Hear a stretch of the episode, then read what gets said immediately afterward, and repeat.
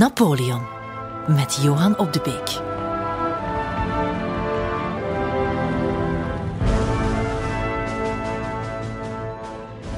Mijn vader, die ondertussen uh, een zeer respectabele leeftijd heeft bereikt, heeft, uh, leest mijn boeken uiteraard. Dat is de eerste fan. En die wist me onlangs te vertellen van, weet je dat nog? Dat we samen naar het graf van Napoleon in Les Invalides in Parijs zijn gegaan. Ja, en of dat ik dat nog weet.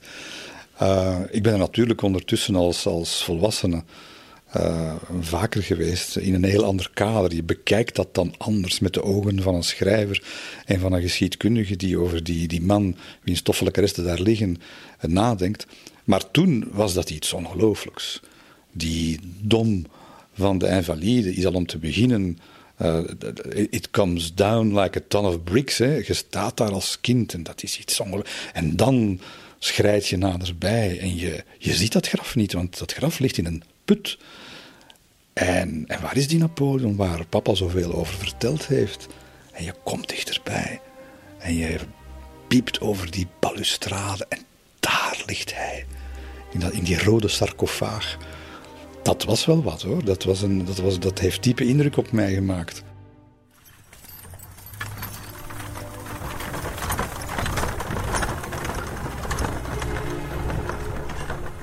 Het hele vertoon was zo fabelachtig, zo sprookjesachtig, dat men nauwelijks zijn ogen geloofde, dat men meende te dromen.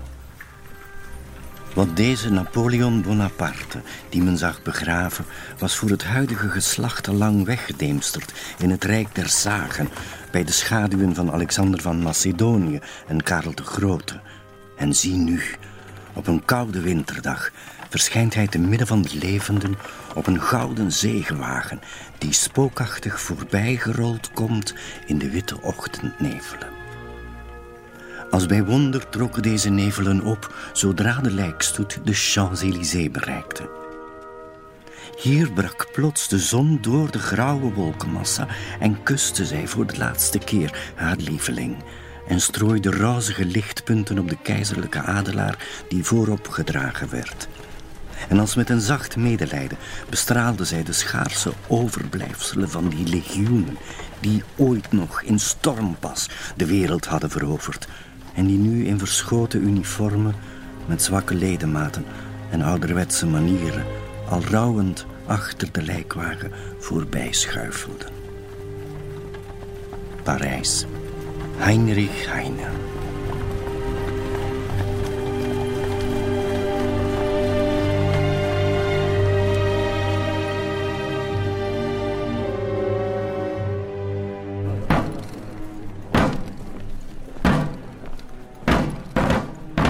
Papa vertelt daarover en dan is dat belangrijk en dan zie je dat en je bent daar niet alleen, zoveel mensen komen kijken.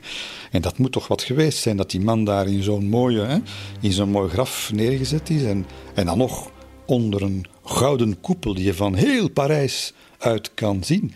Je gaat op de Eiffeltoren staan en waar denk je dat je het eerst naar kijkt? Dat is ofwel naar de Arc de Triomphe, ofwel naar de gouden koepel van Les Invalides. In de beide gevallen kijk je 200 jaar terug. In beide gevallen kijk je naar Napoleon. De keizer is dood. Met hem stierf de laatste held van de oude stempel. En de nieuwe wereld van burgermannetjes herademt, als verlost van een flitsende nachtmerrie. Boven zijn graf verheft zich de industriële burgerwereld, die heel andere helden bewondert, zoals bijvoorbeeld de deugdzame Lafayette of James Watt, de katoenspinner. Sinds de dood van Napoleon is er elke, elke dag een, een boek over hem verschenen. Uh, er is zoveel geschreven en met zo'n uiteenlopende standpunten en passies. Het is een, een, een, een personage dat je niet koud laat. Er zijn believers en er zijn non-believers. Er zijn aanhangers en er zijn haters. En ik heb het niet over de man in de straat, ik heb het over historici. Uh, als je sommige, en met name Britse historici, leest, ja, dan is alle objectiviteit zoek. Dat is gewoon om te lachen soms wat er geschreven wordt. En met andere woorden, het is een puzzel om, als je een klein beetje de betrachting hebt om de waarheid te benaderen, is het een puzzel. En wie was daar natuurlijk de meester in om er een puzzel van te maken? Dat was natuurlijk Napoleon zelf. Je kunt beter niet geleefd hebben dan geen spoor van je bestaan te hebben nagelaten. Hoeveel ze ook proberen te elimineren of te verminken, het zal moeilijk zijn om een compleet te doen verdwijnen. Een of andere Franse historicus zal zich met het keizerrijk moeten bezighouden. En als hij een hart heeft, zal hij iets voor mij moeten rechtzetten, begeven wat me toekomt. Zijn taak zal niet moeilijk zijn, want de feiten spreken voor zich. Ze stralen als de zon. Toen hij in uh, 1816 uh, op Sint Helena is beland, had hij nog een aantal jaren, uh, de slechtste jaren van zijn leven, maar hij heeft zijn verbanningsoord omgetoverd in een, uh, in een, in een, in een strijdtoneel natuurlijk. Hè. Napoleon, typisch voor de man, uh, alles was ongeveer stuk aan hem toen hij op Sint Helena zat, behalve zijn wilskracht. En die ongelooflijke wilskracht heeft hij gebruikt om een geschiedenisfabriek te maken. Dag in dag uit heeft hij gedicteerd, soms aan twee, soms aan drie mensen tegelijk, zijn versie. Zijn versie van, uh, van wat er gebeurd was. Omdat hij natuurlijk wist dat op hetzelfde moment uh, in Europa er een propagandamachine op gang kwam die alles wat hij gedaan had en alles wat de Franse Revolutie gedaan had, uh, de grond moest inschrijven. En dat is een tien, enkele tientallen jaren heeft dat geduurd. En toen al was hij helemaal niet meer bezig met met het moment. Hij was bezig met de toekomst, hij was bezig met ons. Hij was bezig met hoe wij over 200 jaar over hem zouden denken. Wat zijn erfenis was. En hij zei ook letterlijk op Sint Helena: binnen enkele eeuwen zullen mensen nog altijd over mij spreken. Ja, zie ons hier zitten.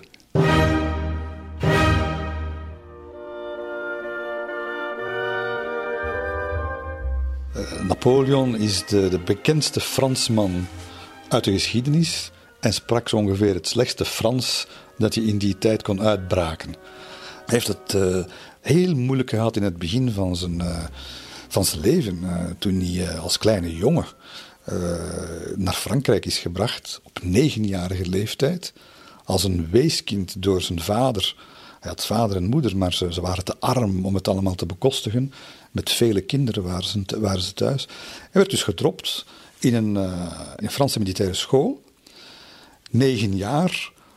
Corsicaans, dat was toen zo'n soort koetertaaltje tussen Italiaans, Corsicaans, een beetje Frans, een beetje van alles door elkaar. En in zo'n militaire school zaten toen uitsluitend enkel en alleen kinderen van de adel. Napoleon is afkomstig van de armde adel, daarom mocht hij daar zitten. En die, uh, ja, die adellijke Fransen, die lachten hem uit. Die vonden hem, die, hij was een outcast. Hij werd gepest. De nieuw aangekomene was Corsicaan, wat betekent afkomstig van een land dat in onze dagen nog zo tegen de beschaving worstelt dat het zijn karakter behouden heeft. Hij sprak alleen de landspraak van zijn moederland. Hij had de verbrande tint van de zuiderling, de sombere en doordringende ogen van de bergbewoner. Dat maakte zijn makkers nieuwsgierig, wat zijn natuurlijke wildemansaard nog versterkte. Want kinderen zijn spotziek en kennen geen medelijden. Alexandre Dumas. Die, die eerste jaren hadden al meteen de ondergang van de jonge Bonaparte kunnen betekenen, als hij natuurlijk niet Napoleon was geweest. Uh, het is daar ook dat dat karakter van hem wordt gevormd. Dat karakter dat uh, toch gekenmerkt wordt door, door ik zal het wel alleen klaarspelen. Door ik tegen de rest. Door een, een soort van uh, overlevingsinstinct tegen heug en meug ingaan. het zich geestelijk isoleren ook. Hij trok zich om zich te onttrekken aan de pesterijen en aan het het, het eenzaam, de eenzaamheid uiteindelijk waar hij, waar hij in beland was. Want dat zal van, van zijn jaar 9 tot jaar 16 duren voor hij zijn ouders terugziet. Waarde vader, Indien jij of mijn beschermers mij de middelen niet kunnen verschaffen om fatsoenlijker op deze school te verschijnen, laat mij dan dadelijk weer naar huis komen. Het verdriet mij dat onbeschofte leerlingen die slechts hun fortuin tot aanbeveling hebben, mijn armoede bespotten. Neem mij van de school af, laat mij als het nodig is een ambacht leren. Plaats mij bij mijn gelijken en ik verzeker u dat ik weldra hun meerdere zal zijn. Ik wil liever een bediende in een manufactuurhandel zijn dan aan openbare bespotting op de eerste hogeschool van de wereld bloot te staan. Die van zijn zoon geen advocaat kan maken, moet hem een timmerman laten worden.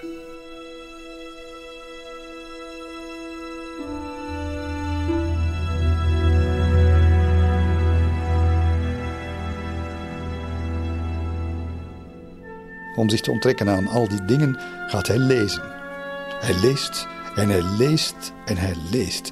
Napoleon heeft gemiddeld in zijn leven vier boeken per week verslonden. Dat is wel wat. Vooral als het dan. Het ging niet om stationsromannetjes, niet waar? Het ging over Plato, Aristoteles, Diderot, Voltaire. Dat gaat hij allemaal in de loop van de jaren lezen. Dat wordt de constante in zijn leven. Hij is leergierig, hij wil weten, hij wil begrijpen. En hij zal stilletjes aan niet alleen de grote filosofen van de verlichting lezen, maar hij begint ook de toenmalige nieuwe militaire denkers uh, te verslinden. En het zijn zij mensen die dus eigenlijk de, de, de pre-Napoleon-strategen onder het rijk nog van, van de koning, die hem op de ideeën brengen. En dat zijn die ideeën die hij dus zelf niet heeft uitgevonden, die hij later met enorm succes op het uh, slagveld zal gaan, uh, zal gaan toepassen. Maar hij leest over alles. Hij leest over de landen die Frankrijk omringen. Hij leest over Spanje, Duitsland, Rusland, Oostenrijk. Uh, en hij Engeland uiteraard. Hij probeert te ontdekken wat die landen drijft, hoe die, hoe die geregeerd worden. En hij gaat dat vergelijken. En met wat hij gaat hij vooral vergelijken. Hij gaat, zijn, zijn, zijn passie wordt het, het Romeinse staatsbestel. De republiek, niet de monarchie, maar de republiek met consuls. En wat wordt hij later? Hij wordt later consul. En met, met die eerste min of meer democratische, tussen grote aanhalingstekens, staatsvorm. En dat allemaal, ja, dat is eigenlijk wat Napoleon kneedt. En je kunt je de vraag stellen natuurlijk, als hij niet voortijdig was in zo'n in zo'n schooltje gedropt daar, uh, helemaal in het noorden van Frankrijk. In de barre koude van de Champagne-streek in plaats van de zon van Corsica. Als hij niet uh, zijn moeder en zijn vader zoveel jaren uh, had moeten missen. Als hij een eenvoudige boer was geworden daar ergens in, rond Ajaccio. Ja, dan had hij misschien niet al die dingen gelezen. En dan hadden we nooit de grote Napoleon leren kennen. Als ik de teleurgang van het geweten zie heerschappij van het geld, de verspreiding van de corruptie, dan denk ik aan de grootste dingen uit het verleden. En kom ik soms in de verleiding tegen heel Frankrijk te zeggen: Kijk, laten we wat over de keizer spreken. Dat zal ons goed doen. Victor Hugo.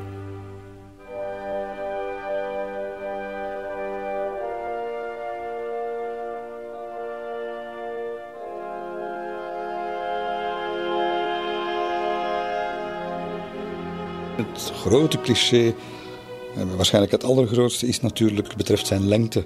Het was een kleine, Le Petit Caporal wordt gezegd. Nu, Le Petit Caporal heeft niks te maken met, met een kleine gestalte. Dat was een koosnaampje dat de grenadiers van de Garde Impériale aan, aan hun generaals gaven uh, als ze het goed hadden gedaan bij een, uh, bij een veldslag. En je, kon, uh, je kon, moest het eerst een paar keer goed gedaan hebben en dan kreeg je de eretitel Le Petit Caporal. Uh, de kleine korporaal. Maar ja, die veldslagen van Napoleon die liepen altijd goed af. Dus op de duur wisten ze het niet meer. Dan werd het. Ja, ze moesten hem dan al bijna sergeant gaan noemen, maar zijn daarmee mee gestopt. Dus die petit caporal, dat komt daar vandaan. Nu, was Napoleon een grote? Nee. Was hij een kleine? Nee, dat is eigenlijk een uitvinding van de Britse propaganda. Hoe groot was hij wel? Ik weet het niet meer van buiten, maar ik zal eens kijken in een van mijn naslagwerkjes. En wat blijkt, de gemiddelde lengte in die tijd was een meter 69. En Napoleons arts op Sint Helena heeft hem gemeten toen hij onmiddellijk na zijn, dus postmortem, onmiddellijk na zijn dood. En toen bedroeg zijn lengte 1,687 uh, meter. Hè. Dus dat wil zeggen dat hij, als de gemiddelde lengte 1,69 was, dat hij geen grote was, maar zo ongeveer een gemiddelde lengte had voor de, uh, voor de tijd. En hoe komt het nu dat men hem de kleine Napoleon is gaan noemen?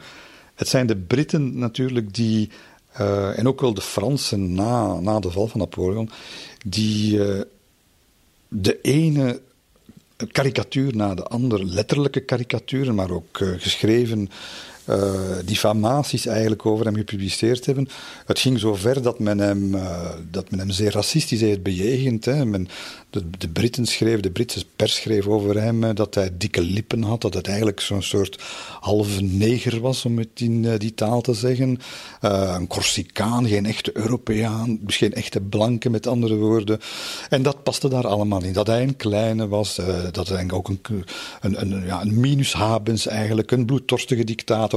En al dat soort clichés. En dat zijn de clichés die blijven plakken zijn, die blijven hangen zijn. De geschiedenis, wat dat betreft, is natuurlijk wel door de overwinnaar geschreven en niet door de overwonnene.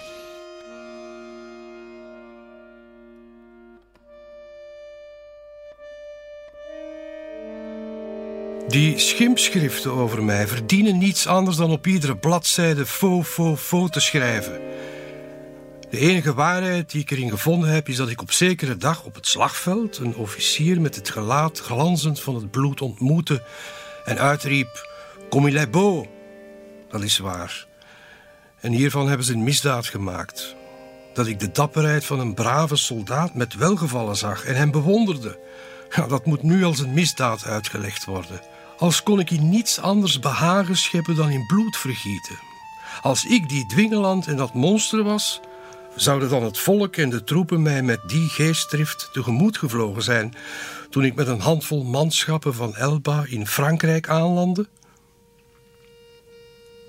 Ongetwijfeld heb ik in staatkundige zaken meer of min gedwaald, maar nooit heb ik me met een misdaad bezoedeld. Napoleon Bonaparte.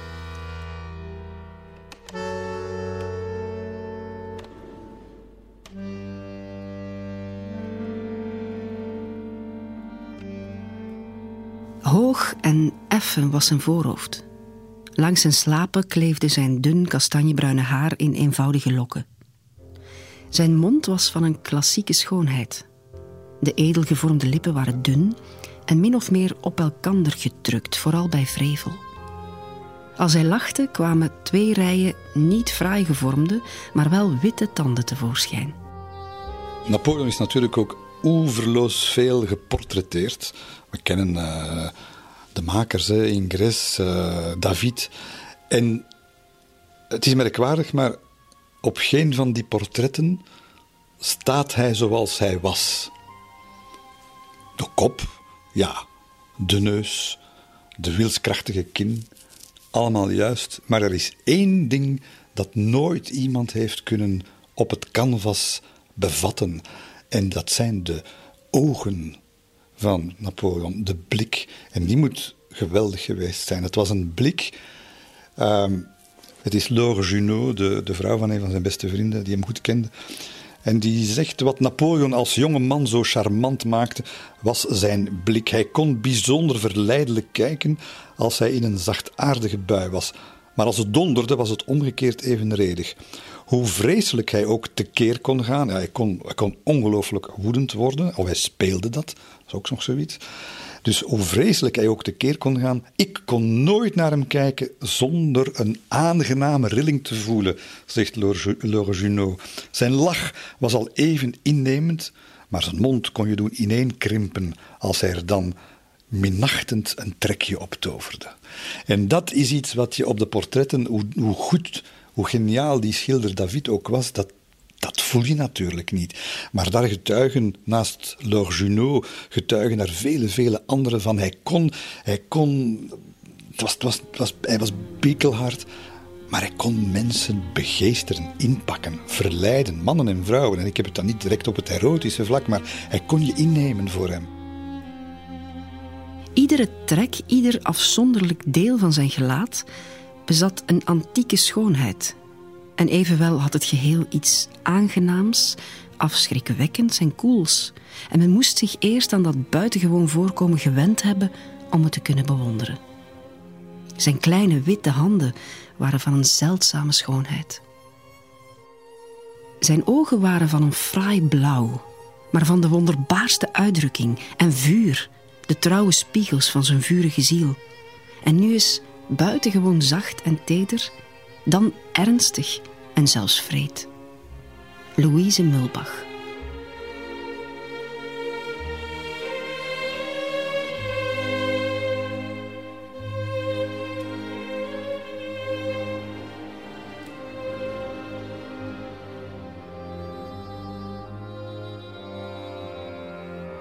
Van zijn 9 tot zijn 16 heeft hij geen ouders. En in die militaire school in Noord-Frankrijk zijn ze echt niet bezig met references te maken, maar om te leren hoe je overleeft als de kanonnen op je kop schieten. Dus hij komt eigenlijk, hij wordt gecatapulteerd naar het hoogste van de maatschappij, terwijl hij eigenlijk daar geen enkele opleiding voor heeft. Hij heeft zijn boeken, hij weet hoe de wereld in elkaar zit, hij kan, uh, hij kan uit zijn hoofd uh, van buiten leren wat Aristoteles te vertellen had, maar hij kan niet omgaan met mensen. Hij kan niet een vrouw echt uh, complimenteren zoals je dat van hem zou kunnen verwachten. Het was een sukkelaar. Uh, zijn, eerste, zijn eerste seksueel contact zal hij, zal hij al eigenlijk uh, toch al, al, ja, hij is, hij al in de twintig. Hè? en zijn eerste liefde komt ook al redelijk laat aanwaaien. En de relatie van Napoleon met vrouwen is een heel complexe relatie. ik ben geen psychiater. En we zullen er misschien eens met een psychiater moeten over praten. Maar het staat voor mij als een paal boven water dat er twee essentiële gegevens zijn in zijn leven die, die verklaren waarom, waarom hij, of drie beter gezegd, waarom hij, waarom hij was wie hij was met vrouwen. Eén, hij kon een ongelooflijke boer zijn in zijn omgang met de dames. De verhalen zijn legio. Hij stapt een receptie binnen en het eerste wat hij zegt tegen de eerste best uh, mooie uitgedoste mevrouw die daar voor hem uh, een kniebuiging maakt, als hij al keizer is, dan zegt hij, wat, wel, eh, die, met die jurk heb ik al drie keer gezien. Of tegen een, een, een, een, wat molligere dame zegt hij van dansen, dat is er bij u ook niet meer bij, zeker. Enfin, dat soort leuke opmerkingen. Colincourt beschrijft dat prachtig. Hij zegt dat een van de, een van de hoofd... Colincourt was een man van adel en zijn, een van zijn kritische, maar trouwe raadgevers. En, en hij kende hem door en door. En Colincourt zegt, hij had het allemaal. Alles had hij. Meer dan wie dan ook. Maar dat had hij niet. Hij had niet het chevalereske van de Fransen. En dat, volgens Colincourt, was precies wat de omgang met de vorsten, die natuurlijk, de monarchen van die tijd, die natuurlijk, ja, waar hij moest mee omgaan en die de macht hadden, dat was precies wat die omgang bemoeilijkte en wat ze, waardoor ze hem niet au serieus namen. Hij was de baas, hij was de machtigste, hij was de slimste, maar het was geen van hen. En dus met monarchen, maar ook met vrouwen, bakte hij er in de omgang absoluut niets van. Een ander punt is natuurlijk wat hij in die jeugd heeft meegemaakt. Hè. Een kind dat uh, vanaf negen jaar zijn moeder moet missen. En dan in een heel harde uh, mannenwereld terechtkomt. Ook een uh, wereld die beheerst wordt door priesters en officieren. Met alle gevolgen die je daar kan bij voorstellen. Dat moet hem getekend hebben. En hij, is dus iemand die gaat hunkeren naar nestwarmte. Gaat hunkeren naar een vrouw. Hij idoleert de vrouw. Maar hij weet begot niet hoe hij daarmee moet omgaan. En dat gaat zijn leven, ook uh, zijn privéleven, beheersen. En we komen natuurlijk bij Josephine, zijn eerste uh, wettige vrouw. Dat wordt een, stormmachtige, heel moeilijke relatie. Het leidt geen twijfel dat die twee ongelooflijk van elkaar hebben gehouden. Maar ook daar wist hij niet hoe hij die Josephine moest rond zijn vinger draaien. Hè. Het draaide altijd weer rond, rond, rond psychologische spelletjes, macht in feite. En hoe hij echt met Josephine moest omgaan, dat, dat kon, hij had dat nergens geleerd. Hij had het niet, hij was van kind plotseling de slagvelden opgeschopt. En daar had hij het leven geleerd, maar niet in de salons. Eh, niet in de, in, de, in de verfijnde omgang. En niet met dat soort volk waar Josephine vandaan kwam. En, en dat, heeft het, dat heeft het geweldig bemoeilijkt. Plus dan natuurlijk fundamenteel gegeven in het privéleven van, van Bonaparte. Hij, hij, hij huwt met Josephine smoorverliefde brieven die hij, die hij, daar, die hij haar schrijft, die, die puilen uit van de, de smachtende verlangens, van de passie. Maar ze zijn nog geen twee dagen gehuwd en de Republiek stuurt hem uit naar Italië, waar hij moet gaan vechten tegen de Oostenrijkers. En hij, hij is bang. Hij is bang niet van de Oostenrijkers natuurlijk, want hij was een heel moedige soldaat op het slagveld. Maar hij is bang voor wat er in Parijs gaat gebeuren. Hij kent natuurlijk de frivoliteit van dat Parijse high society leven. En, en je ziet ook, uh, Bourrienne die vertelt dat fantastisch in, in zijn memoires, van, van de eerste dagen dat ze, dat ze onderweg waren naar Lyon en dan naar de Azuren kust, is dat de ene brief na de andere die Bourrienne moet schrijven. Ik heb geen dag doorgebracht zonder je lief te hebben. Ik heb geen nacht doorgebracht zonder je in mijn armen te houden. Ik heb geen kop thee gedronken zonder de glorie en ambitie te vervloeken die me van je ziel heeft weggehouden. Als ik met de snelheid van de Rhône van je wegsnel, is het alleen om vlugger naar je terug te keren. Bemin mij als je eigen ogen. Maar dat is niet genoeg. Bemin mij als jezelf, meer dan jezelf, dan je gedachten, je verstand, je leven, je alles. Ik zal zonder jou slapen. Ik smeek je, laat me slapen. Al een paar dagen heb ik je in mijn armen gehouden.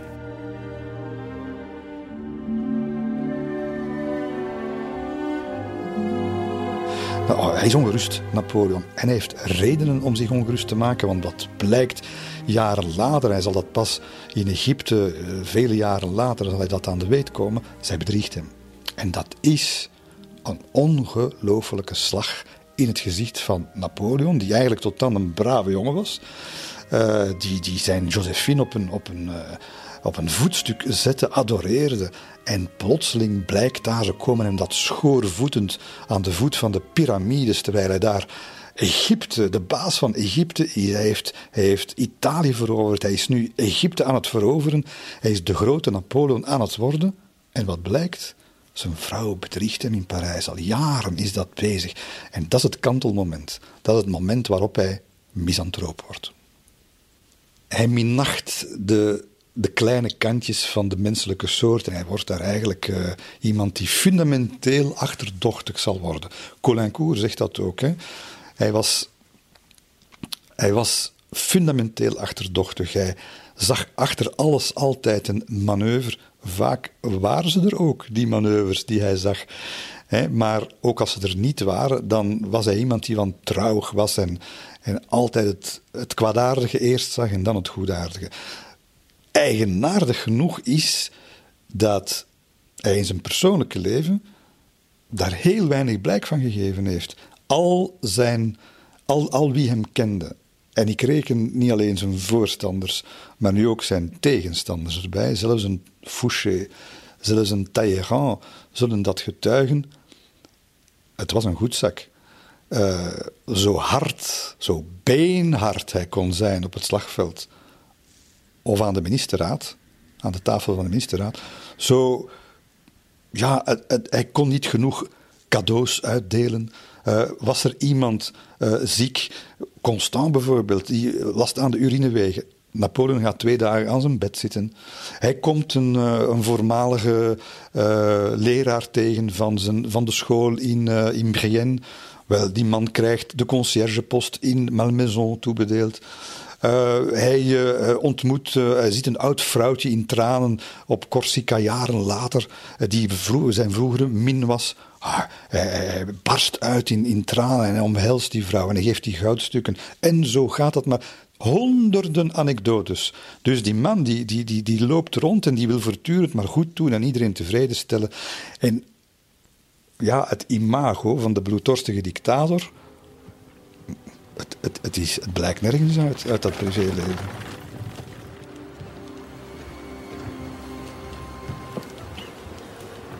Toen ik eens met een van mijn generaals over een slagveld ging, zag ik een hond op het lichaam van zijn gesneuvelde meester liggen. Het dier kwam naar me toe en keerde dan terug naar het lijk, jammerlijk klagend, alsof het om hulp smeekte. Of het de opwelling van het ogenblik was, het toneel, het uur of de omstandigheid, nooit heeft mij iets op een slagveld meer aangedaan. Die man, dacht ik, heeft misschien huisgenoten, vrienden, makkers.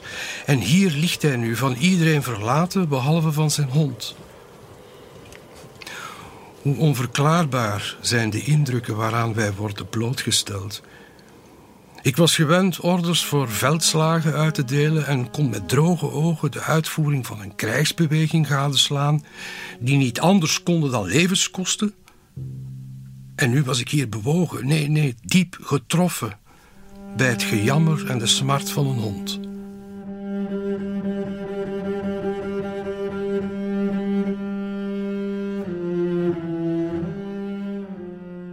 Napoleon moet je ook appreciëren in de kleine dingen. Hè.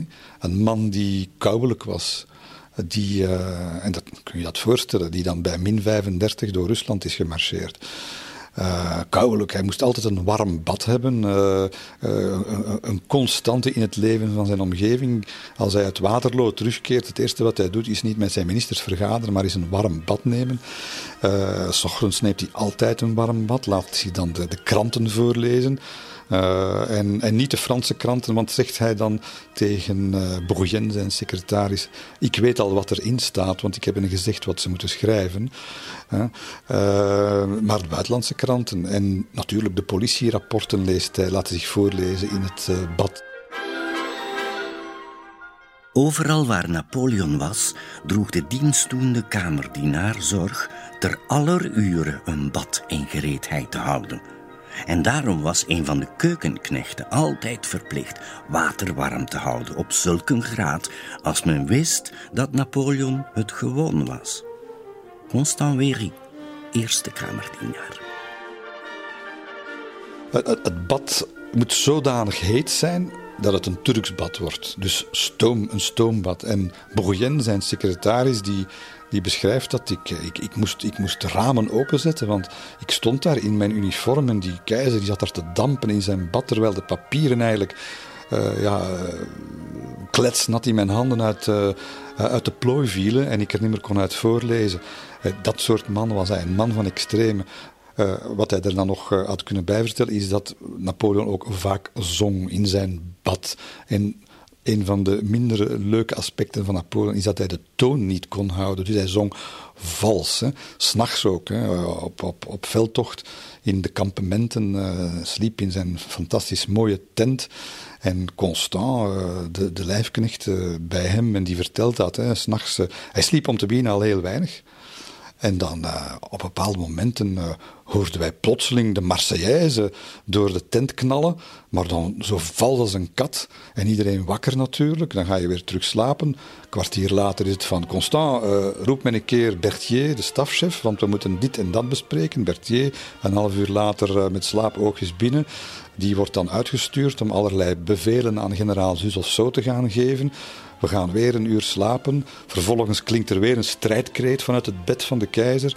Uh, en moet er weer iemand anders opdraven. En zo ging dat maar door. Een ijzeren gestel. Het probleem was dat hij verwachtte dat iedereen in zijn omgeving hetzelfde gestel had natuurlijk. En dat kon niet.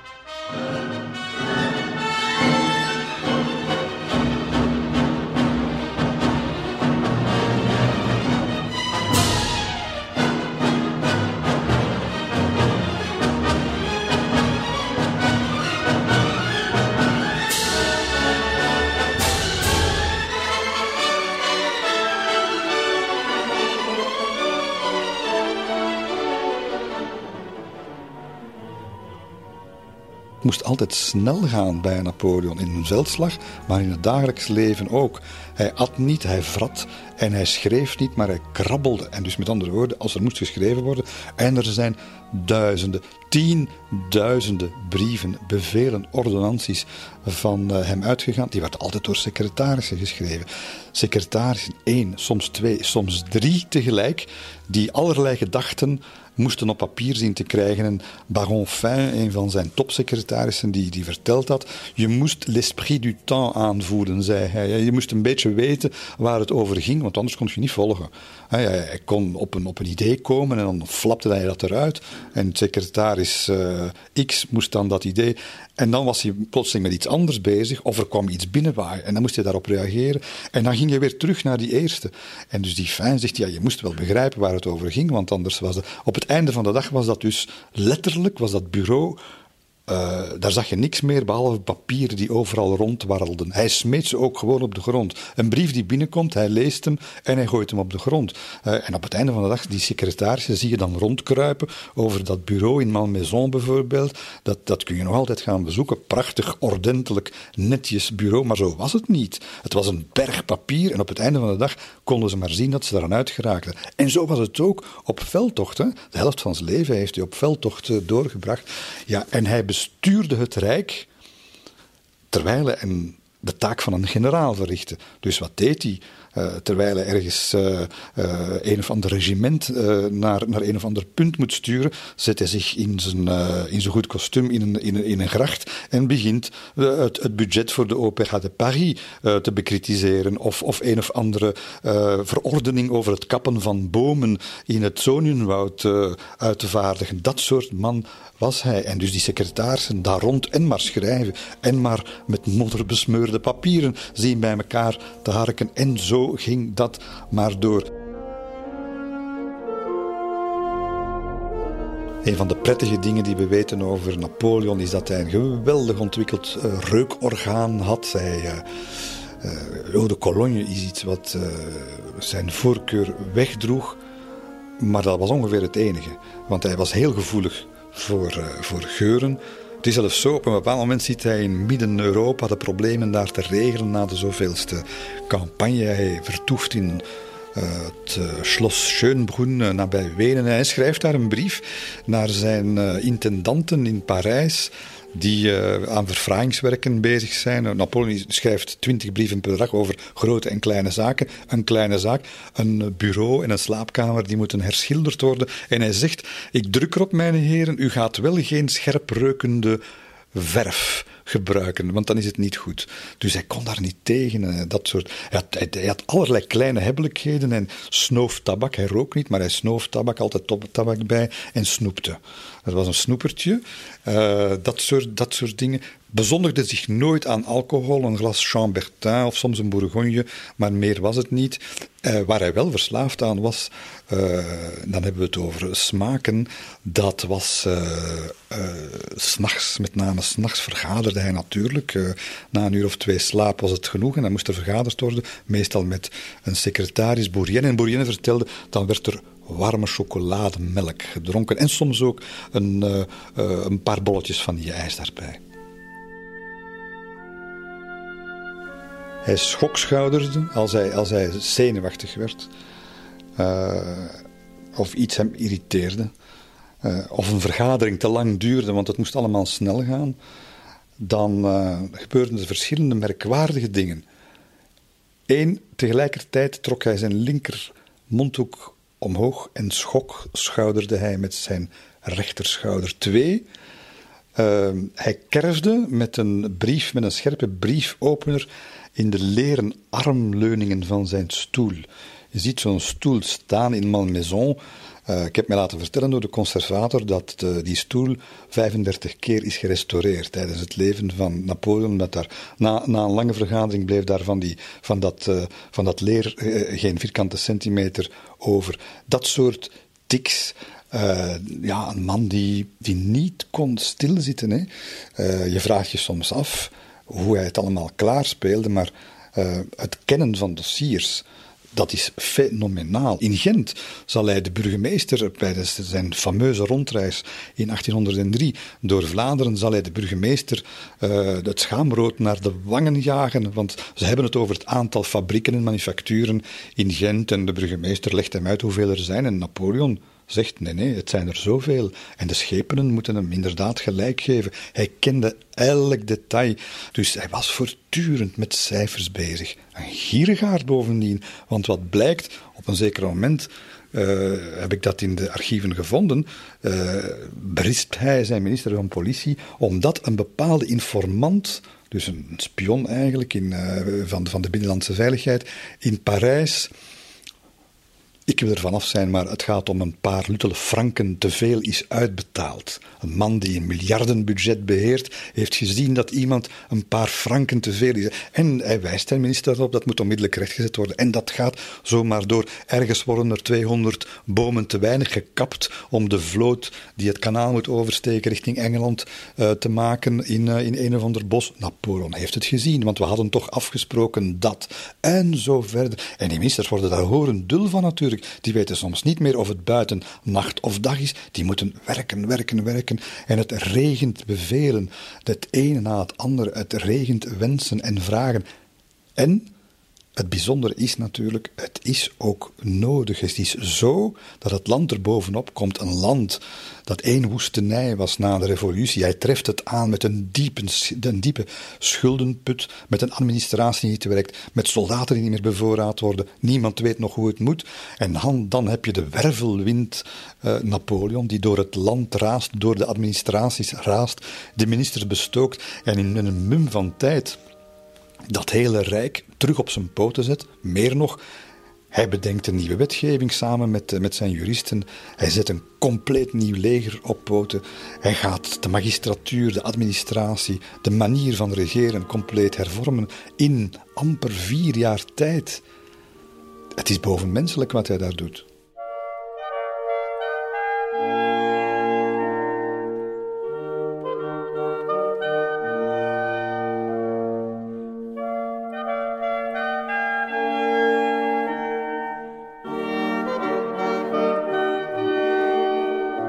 Een van de minder bekende aspecten van Napoleon is, uh, hij las enorm, maar hij heeft af en toe ook een niet bijster geslaagde poging, moet ik zeggen, tot, uh, tot schrijven gedaan, schrijven van, van literatuur. Uh, 1795 zijn we, een verschrikkelijk jaar voor Napoleon. De revolutie uh, is uh, min of meer uh, aan het ontsporen en, en hij, zelf is op een zijspoor gezet. Hij, is eigenlijk, leeft het leven van een schooier in Parijs. Zijn uniform hangt aan flarden.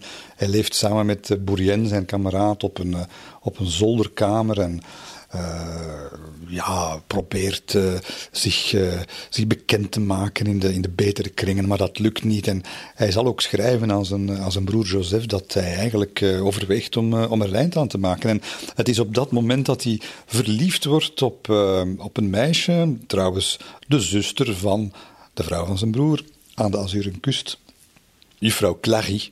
En uh, die heeft een voornaam, maar die voornaam doet er niet toe, want zij moet zichzelf van uh, haar geliefde van Napoleon Eugenie noemen. En dat wordt ook uh, deel van de titel van dat eerste werkje dat hij in 1795 schrijft. Clisson et Eugenie. En het is zo ja, merkwaardig om eens te luisteren naar de openingszin van Clisson et Eugenie.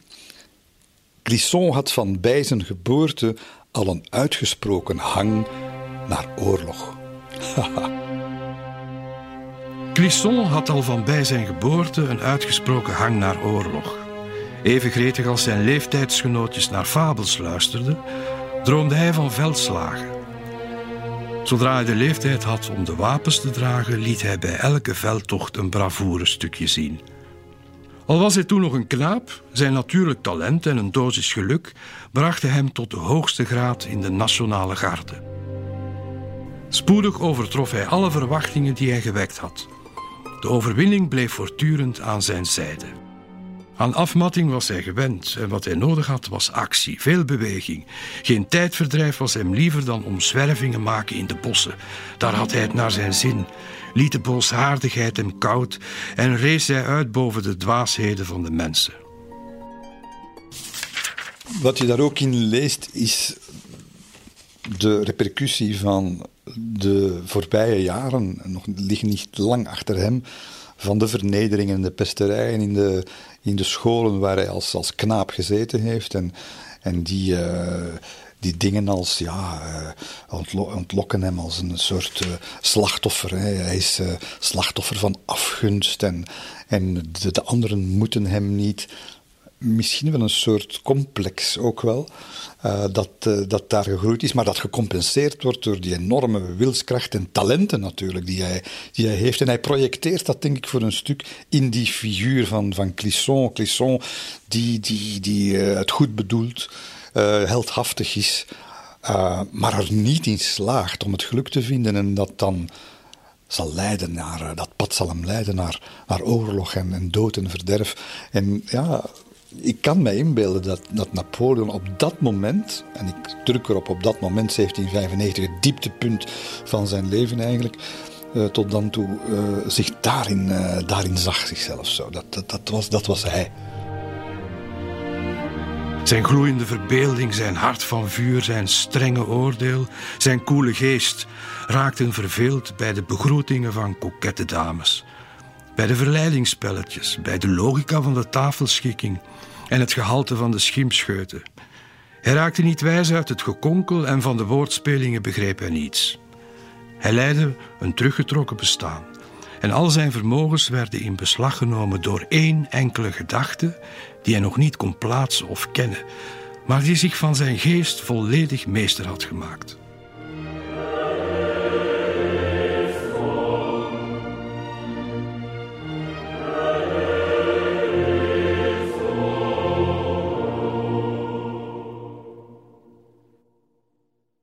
Het hele verhaal van Clisson en Eugénie is een verhaal dat natuurlijk doet denken aan Goethe en aan het lijden van de jonge Werther. Het is een werk dat Napoleon uh, oeverloos veel heeft gelezen. En hij zal uiteindelijk ook Goethe ontmoeten. Uh, hij is dan al keizer. Goethe is het icoon van de, van de Duitse en van de Europese literatuur. En, en beide grootheden ontmoeten en elkaar. En dat, het, is een, het is een ontmoeting van van reuzen, maar het is geen ontmoeting van gelijken. Want wat doet Napoleon? Typisch Napoleon.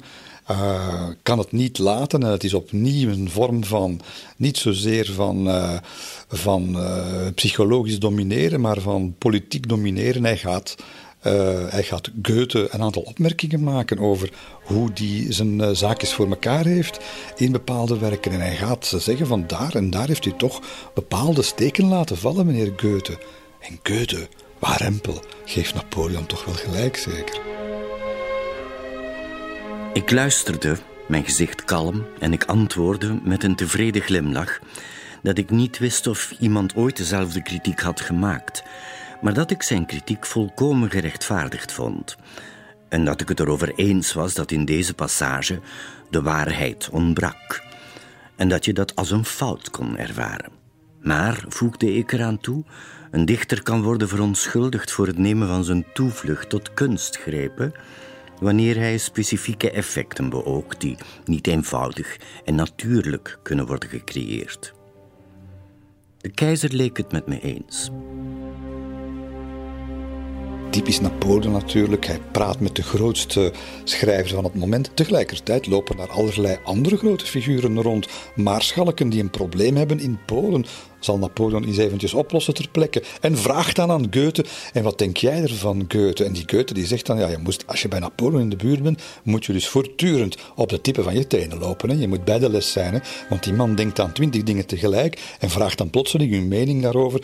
Ja, en Goethe, ja, wat, moet die man over die dingen beginnen te vertellen? En hij kijkt dan naar een uh, lakij die in de buurt staat, die hem binnengelaten heeft en die knipoogt van, kom, we gaan de deur open doen, dan kun je hier rustig verdwijnen en gelukkig uh, is uh, Goethe dan ook dat hij rustig die deur uitwandelt en Napoleon laat voor wat hij is. Maar het verhaal is niet gedaan, want enkele weken later krijgt Goethe de hoogste onderscheiding van het keizerrijk, la Légion d'honneur. Ik moet ook opmerken dat in het geheel van ons gesprek ik de verscheidenheid van zijn positieve antwoorden en gebaren bewonderd had. En dat hij zelden immobiel was toen hij luisterde. Soms maakte hij een meditatief gebaar met zijn hoofd en zei: Ja, of dat klopt, of iets dergelijks. Of als hij een idee had verklaard, dat hij er soms aan toevoegde: En wat zou monsieur Goethe zeggen?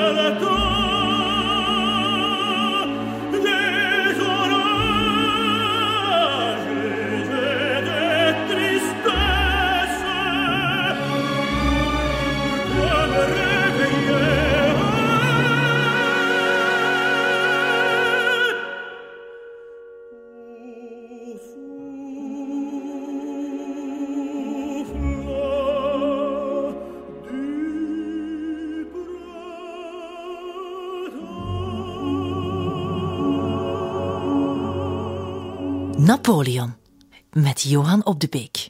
Als je bij Napoleon langskwam en hij had het voor je, dan moest je tegen een stoot kunnen. En dat moet u letterlijk opnemen. Je kon zomaar een por in de ribben krijgen van Napoleon, uh, goed of kwaadgezind. Uh, bestond het om een minister van Financiën die met een slecht rapport kwam over de cijfers gewoon in een zetel te kieperen.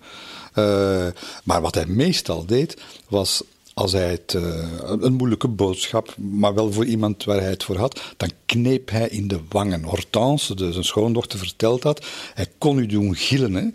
Uh, het was niet op de poep kletsen, maar hard aan het oorlelletje trekken of heel keihard in iemands wang knijpen. En de soldaten van de garde beenharde jongens natuurlijk, die hadden dat graag, die vonden dat fantastisch. En hij ging ervan uit dat als zijn soldaten dat leuk vonden, dat iedereen dat leuk vond. Dus je stond daar maar als minister van uh, posterij pakweg, en daar staat zo Napoleon, en die, uh, die, vindt dat je, die vindt je kop sympathiek, wel dan ga je buiten met een pijnlijke kaak, op zijn minst. Dat was de omgang van Napoleon met zijn uh, directe omgeving. Napoleon was een enorme speelvogel op allerlei uh, vlakken. Um, met name in Malmaison. Het, uh, het, eerste grote consulaire paleis. Je kunt het vandaag nog altijd bezoeken. Uh, er gebeurde van alles. Staatszaken natuurlijk, maar ook beleefde men daar Napoleon zoals de buitenwereld die totaal niet kende. Een speelse Napoleon. Een man die theaterstukken in elkaar zette, waar dan Hortense en Josephine en Maarschalk Nee en dat soort figuren, die spelen dan roodjes, die spelen dan een of ander uh, toneelstuk. Uh, het kon een Mozart zijn die, die ze dan even in scène zetten. Allerlei dingen gebeurden dan. Ze deden spelletjes in de tuin. een soort speelsheid die niemand kende, maar die wel voortdurend overal weer opdook. Hè. Het was ook letterlijk een speelvogel. Hij kaartte graag. Uh, op het schip dat hem van Frankrijk met zijn, met zijn hele leger naar Egypte brengt en weer terug in de meest hachelijke omstandigheden achtervolgd door de Britse vloot, zit hij te kaarten en wat blijkt? Hij speelt vals. Hij speelt vals en hij wint. Maar wat doet hij dan? Napoleon, hij wint en hij geeft het geld terug aan degene die hij net bedrogen heeft.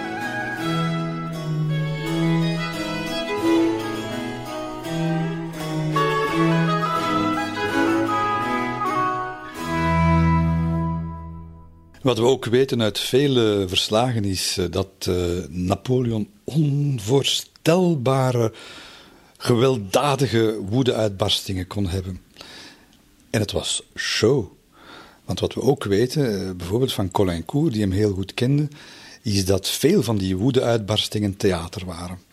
Uh, zelden was hij spontaan in woede uitgebarsten. Het was elk woord dat Napoleon sprak en zijn manier van doen, het was heel vaak bestudeerd. Hij wist perfect hoe hij bepaalde reacties moest uitlokken. Dus als je hem zag ontploffen, dan kon dat net zo goed een, een, een lang op voorhand bestudeerde ontploffing zijn. En dat is bijvoorbeeld gebeurd op het moment dat uh, de minister van Buitenlandse Zaken, hem voor de zoveelste keer een, een hak zet.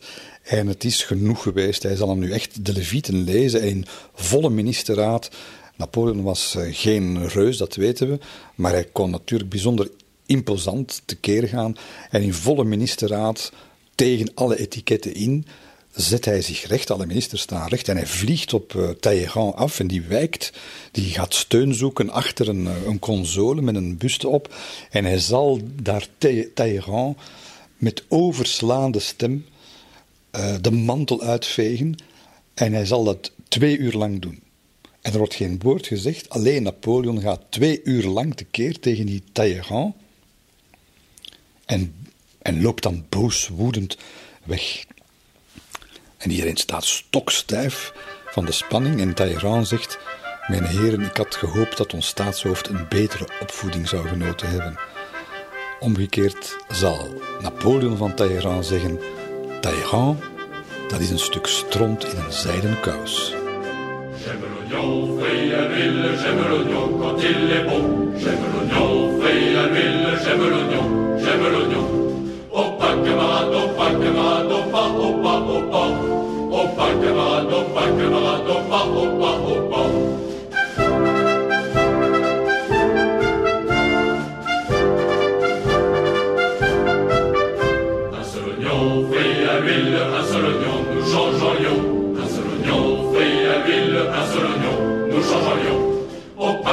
Opakemado, Opakemado, oh, Opakemado, Opakemado, Opakemado,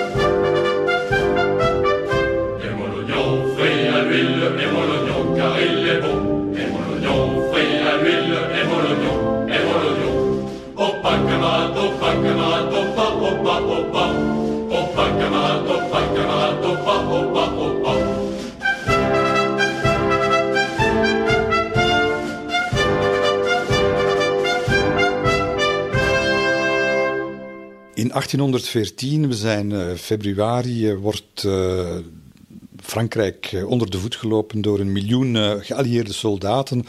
Hij voert daar zijn laatste en waarschijnlijk meest briljante militaire campagne, maar de overmacht is te groot en uiteindelijk zal Napoleon worden gedwongen tot troonsafstand. Dat gaat niet zonder slag of stoot, uh, maar zelfs nadat hij zich erbij neergelegd, gebeurt er iets zeer dramatisch. Het is Colincourt, de, de eeuwige trouwe Colincourt, die het ons beschrijft. Hij zegt, wel, ik was bij Napoleon op een avond uh, en we, we, begonnen te praten en zeer merkwaardig, iets wat hij nooit deed. Hij, hij werd heel persoonlijk en hij heeft mijn hand vastgepakt en we hebben elkaar omhelst, omarmd. Nooit van mijn leven zal ik dat vergeten, zegt Colincourt. En Napoleon is beginnen praten en is heel zijn leven beginnen vertellen, uitleggen, rechtvaardigen. Vertellen wat hij fout heeft gedaan en vooral wat anderen fout hadden gedaan natuurlijk. En het leek, zei Colincourt, alsof hij ja, de bilan, het bilan opmaakte, de balans opmaakte. Colincourt wordt weggeroepen, want hij moet verder onderhandelen met de Russen over het vredesverdrag. Maar hij zegt, ik voelde mij heel slecht bij dat gesprek. Het, was, het, verliep heel merkwaardig en, en onheilspellend. En ik, had echt, ik ben met het gevoel in mijn buik daar weggegaan dat, dat er heel gauw iets, iets kwaad zou gebeuren. En inderdaad, in het holst van de nacht, uh, in volle onderhandeling, wordt Colincourt in allerijl terug bij de keizer geroepen. Napoleon heeft hem gevraagd om terug te keren en hij loopt letterlijk uh, naar het slaapvertrek van, uh, of naar het bureau van, van Napoleon en hij vindt hem aan, hij treft hem aan op de grond. Wat is er gebeurd? Napoleon droeg op zijn borst, al sinds de Russische veldtocht, een giflesje. Dat had hij laten maken door zijn arts uit voorzorgsmaatregel. Mocht het zo zijn dat hij door de Kozakken zou gepakt worden in Rusland. Als je door de Kozakken gepakt wordt, dat loopt verschrikkelijk af. Dat wilde hij, niet, uh, dat wilde hij ze niet gunnen. En hij had dus gif bij. En dat gif, twee jaar oud al, had hij ingenomen, maar het werkte niet meer zoals het moest. En Colincourt treft Napoleon aan op de grond in pijn, maar hij sterft niet. En het zal nog een hele nacht duren. En Colincourt beschrijft dat dan. Hij zegt: uh, lijkbleek sloeg hij opnieuw de ogen op. En toen zei hij mij: dat is een onsterfelijke zin, vind ik. Uh, Colincourt, het slagveld heeft me niet gewild. Het gif was te zwak voor mijn lichaam. Wat nu zal volgen, is het ergst van allemaal: de vernedering. En dat zegt heel veel over Napoleon. Dat zegt met name dat de dood aan zich geen issue was. Napoleon was als mens, en dat heeft hij als soldaat oeverloos kunnen tonen, een heel moedig man. Het was geen generaal die achteraan liep. Het was een generaal die verschillende keren in, in, in heel vurige, hevige veldslagen tussen de troepen stond, vooraan stond. Hij heeft ook, dat is bij zijn autopsie gebleken, heel veel, of toch een aantal oorlogsverwondingen. Hij heeft nooit geadeld om zijn veld te riskeren. Uh, dat is bijvoorbeeld uh, gebleken in Arcole, in de Italiaanse campagne, in het begin van zijn carrière. Drie volle dagen wordt er gevochten. De Fransen zitten eigenlijk al meteen in de knel, want de brug over de rivier, de Alpone, die moeten ze absoluut overgeraken, willen ze nog een, een, kans maken. En dat lukt niet, omdat van de overzijde van de rivier er een moordend vuur wordt afgeschoten op, uh, op de Fransen. Al vijf generaals zijn neergeschoten, onder wie Jean Lannes, een van de, van de grote vrienden van, van Napoleon. En dan breekt Napoleons moment de gloire aan. Enfin, hij dwingt het zelf af. Uh, hij pakt een Franse vlag, hij wikkelt die rond zijn zwaard en hij stapt op die brug af. En je weet niet wat er gebeurt natuurlijk. En er zijn nog een paar trouwe stafofficieren die vormen meteen een cirkel om hem heen om hem te beschermen tegen die kogelregen die gewoon op hem afkomt. En een van zijn oude vrienden, nog van, van helemaal in het begin, uh, is daarbij. Uh, en die, die, die staat naast zijn, voor zijn chef. En hij gaat met de vlag in de hand, stapt hij dus naar die brug. En, en Muiron krijgt de kogel in zijn hoofd die voor Napoleon bestemd is. En, en, het zal later het schip zijn dat Napoleon naar Egypte zal brengen, dat de Muiron zal gedoopt worden als, als eerbetoon aan die vriend die daar zijn leven geeft, letterlijk voor, voor, de, voor Napoleon. En om hem heen vallen de mannen als, als vliegen. Hè. En, en de ene na de andere stort daar, stort daar neer.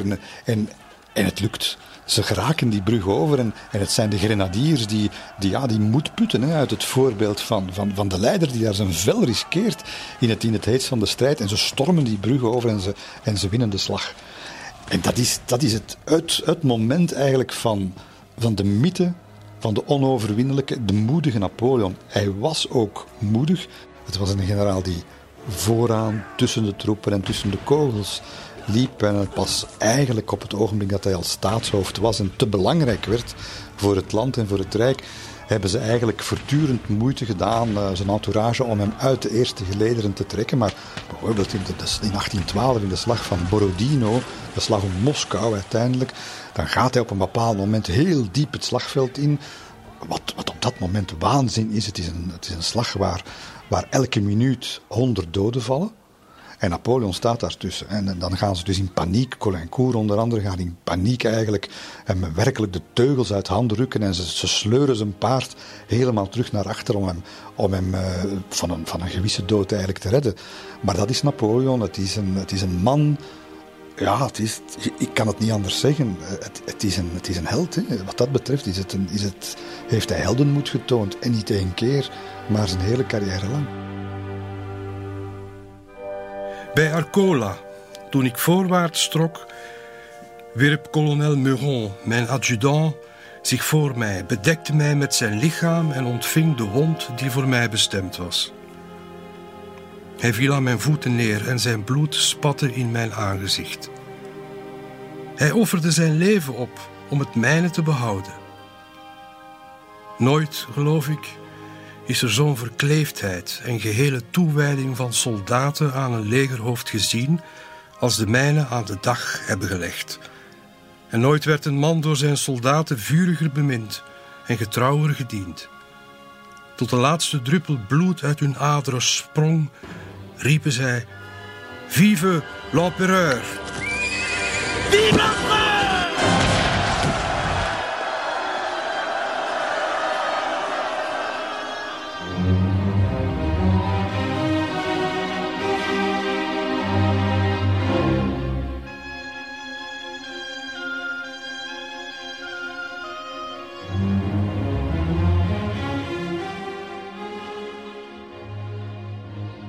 Een van de dingen die ik absoluut wilde schrijven in het boek is natuurlijk het getuigenis van de, van de gewone mensen, laat maar zeggen, die, die rond hem circuleerden. En de bevoorrechte getuige was zijn lakij, Constant Wery, een heel eenvoudige jongen die, die achteraf uh, memoires heeft geschreven. En ik was daarin aan het bladeren en ik zweer het je, toen ik dat las, we zaten er, was er één passage bij die die mij echt uh, pakte, die mij heeft ontroerd.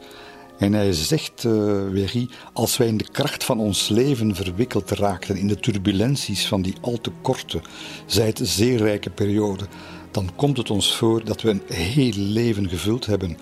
Het is nu tijd dat ieder van ons zich te rusten legt. Het ogenblik is gekomen om ons uit de wereld terug te trekken en de ogen te sluiten. Wat is er nog te zien dat evenveel waard is als wat we toen hebben gezien. Wat wij hebben meegemaakt, maakt een man geen twee keer in zijn leven mee.